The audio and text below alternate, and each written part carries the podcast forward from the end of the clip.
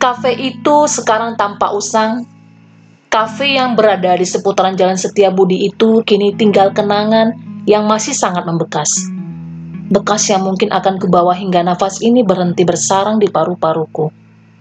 Papan yang bertuliskan Alphon Cafe yang dulunya terpajang sangat gagah, kini hanya tinggal tiang penyangga. Warna yang dulu sangat memikat, kini tampak pucat dan kotor kafe yang mempertemukanku dengan Alfonso tentunya, salah seorang barista pujaan semasa itu.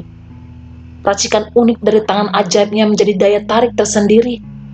Alfon hanya membumbuinya dengan cinta dan tawa. Rasa yang ditonjolkan akan mengubah kesedihan menjadi kebahagiaan. Bukan itu saja, kocaknya Alfonso menjadi sihir ajaib untuk membuat setiap pengunjung merasa nyaman untuk datang ke sana Sentuhan ajaib yang Alfonso berikan akan membuat siapa pun ketagihan. Aku salah satunya.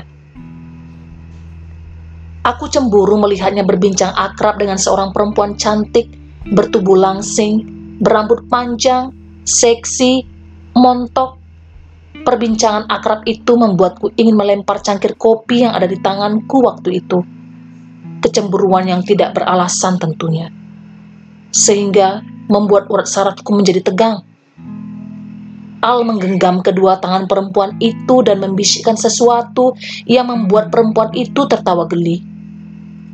Al menghampiriku dan mengatakan kalimat yang membuatku hampir mati. Ini calon istriku, Din. Cantik.